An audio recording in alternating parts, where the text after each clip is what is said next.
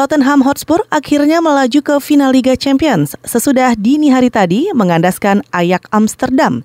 Meski agregat kedua tim sama 3-3, tapi Tottenham menang agresivitas gol tandang. Bermain sebagai tim tamu, Tottenham lebih dulu kecolongan dua gol, hasil ceplosan Matis, Delight, dan Hakim Ziyech.